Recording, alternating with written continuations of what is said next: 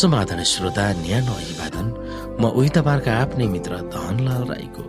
श्रोता आज म तपाईँको बीचमा बाइबल सन्देश लिएर उपस्थित भएको छु। आजको बाइबल सन्देशको शीर्षक रहेको छ धोका दिनेले नै धोका पाउँछन्।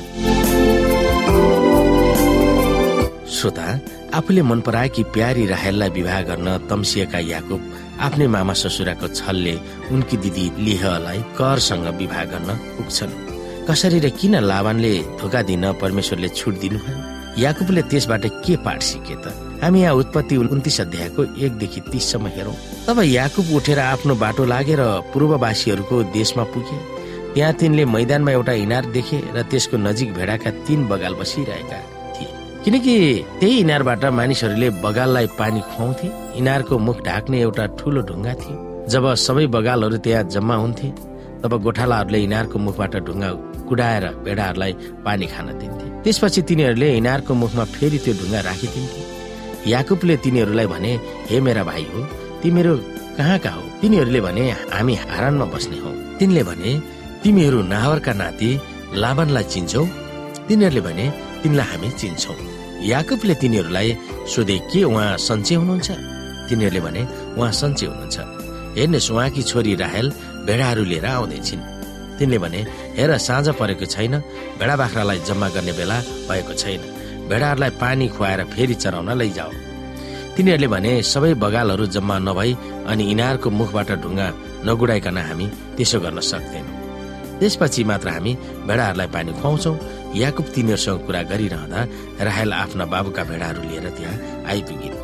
किनकि भेडाहरू तिनले नै चराउने गर्थिन्। जब याकुबले आफ्ना मामा लाबानकी छोरी राहेल र आफ्ना मामाका भेडाहरू देखे तब नजिक आएर तिनले इनारको मुखको ढुङ्गा गुडाइदिए र आफ्ना मामा लाबानका भेडाहरूलाई पानी खुवाइदिए।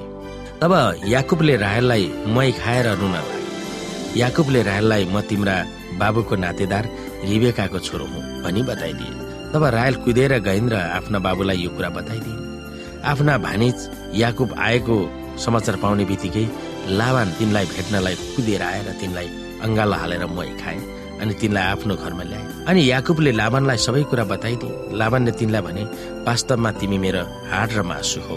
याकुब उनीसँग एक महिना बसेपछि लाभानले तिनलाई भने मेरा नातेदार हुँदैमा तिमीले सित्तैमा मेरो सेवा गर्ने।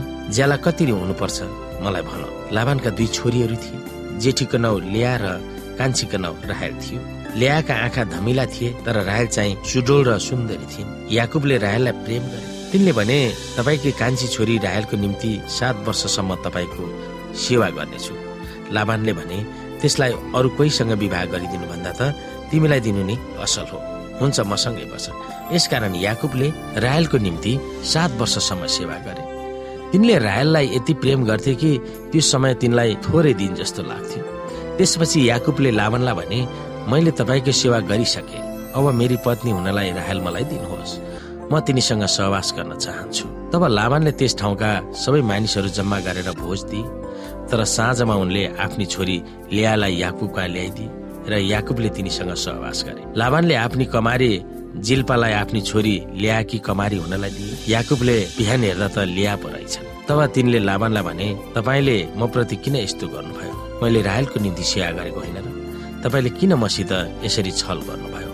लाभानले भने हाम्रो देशमा जेठीको भन्दा कान्छीको विवाह अघिबाट गर्नु हुँदैन। ल्यासँग एक साता पुरा गर र अर्को साता र अर्को सात वर्ष मेरो सेवा गरेको सट्टामा म तिमीलाई कान्छी पनि दिइहाल्छु। याकुबले त्यसै गरेर ल्यासँग एक साता पुरा गरे। तब लाभानले आफ्नी छोरी राहेललाई पनि याकुबकी पत्नीको रूपमा दिए। लाभानले आफ्नी कमारे बिल्हालाई आफ्नी छोरी राहेलकी कमारी हुनलाई दिए। याकुबले राहेलसँग पनि सहवास गरे। तिनले लियालाई भन्दा राहेललाई बढी प्रेम गर्थे र अर्को सात साल याकुबले लाभनको सेवा गरे। आफू पुग्नु पर्ने गन्तव्य स्थानमा सयौं किलोमिटर यात्रा गरेपछि याकुबले पहिलो बस्ती देख्छ त ढुङ्गो। सायद उनले बेथेलको ढुङ्गा सम्झन पुगे होला। यही ढुङ्गो याकुबको निम्ति राहेलसँग चिनापर्ती गर्न कोसे ढुङ्गो हुन पुगेको थियो। त्यस ढुङ्गा इनारमाथि थियो। त्यसको वरिपरि गोठालाहरू उभिरहेका थिए। याकुबले त्यस ढुङ्गालाई हटाउन तिनीहरूसँग अनुरोध गर्छन्। तर तिनीहरूले त्यो गर्न मान्दैन। जब राहेल आउँछिन् तब याकुबले त्यो ढुङ्गा हटाउन यसले उनलाई राहेलसँग चिनापर्ती गर्न अवसर दिन्छ याकुबलाई चिन्ने बित्तिकै उनी दगुरेर आफ्नो परिवार कहाँ जान्छन्? याकुबले राहेललाई देख्ने बित्तिकै फलदाई थियो। याकुबले राहेललाई प्रेम गरे उनलाई विवाह गर्न अर्को सात वर्ष काम गरे। अर्थात् राहेललाई पाउन उनले चौध वर्ष आफ्नो मामा ससुरका काम गरे। तर सात वर्षहरू उनको निम्ति केही दिन जस्तो मात्र भएको थियो। राहेलसँग विवाह गर्न सात वर्ष काम गर्नुपर्ने सात शर्त याकुब आफैले प्रस्ताव गरेका थिए। सात वर्षपछि विवाहको रातमा सुहागरात मनाउन याकुब आफ्नो पालमा जान्छन् त त्यहाँ ल्यासँग पो उनी सुत्न पुगे। राति भएकोले आफूसँग को सुतेको थियो सो उनलाई थाहा थिएन। उनी रायलकी जेठी दिदी ल्या उनको ओछ्यानमा थिए। रायल भनेर ल्यालाई सुताउँदा याकुबको मामा ससुराले उनलाई धोका दिएका थिए। त्यसबेला सबैजना भोजमा मस्त थियो। याकुब अत्यन्तै रिसाएका थिए तर आफू केही गर्न नसक्ने अवस्थामा याकुब थिए। विवाहको रातको रमझममा लाभानले त्यो छल गर्न सफल भयो। याकुबले जसरी अरूहरूलाई धोका दिए त्यसरी नै उनले पनि धोकामा परे। अपराध गर्नेले जसमाथि कस्तो चोट पुर्याएको थियो त्यही चोट अपराधीले खेप्नुपर्ने नीति बाइबलमा उल्लेख गरिएको छ। आफू धोकामा परेपछि आफूले धोका दिनु भनेको के हो भनेर याकुबले अब बुझ्छन्। लाभानको छल्ला प्रयोग गरेर परमेश्वरले याकुबलाई धोका दिनु भनेको के हो भनेर सिकाउनुहुन्छ।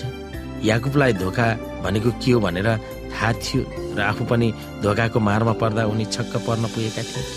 आफ्नो मामा ससुरालाई तपाईँले मलाई किन धोका दिनुभयो भनेर सोध्नुको अर्थ धोका दिनु गल्ती हो भनेर याकुबलाई थाहा थियो भनेर देखाउँदछ। याकुब धोकेबाज थिए र आफै पनि धोकामा परे। आफूमाथि अन्याय भए पनि वा खराब मानिसहरू खराब गर्नै छोडिए तापनि वा निर्दोष मानिस दुःखमा पर्नु परे तापनि परमेश्वरमाथि भरोसा राख्न हामीले कसरी सिक्नु पर्दछ? यो पाठबाट हामी सिक्न सक्दछौ।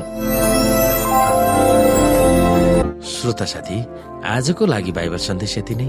अर्को प्रस्तुतिमा पुनः भेट हुने बाचा सहित म उही तपाईँहरूका आफ्नै मित्र धनलाल बिदा हुन्छु। हस्त नमस्ते जय मसिंह।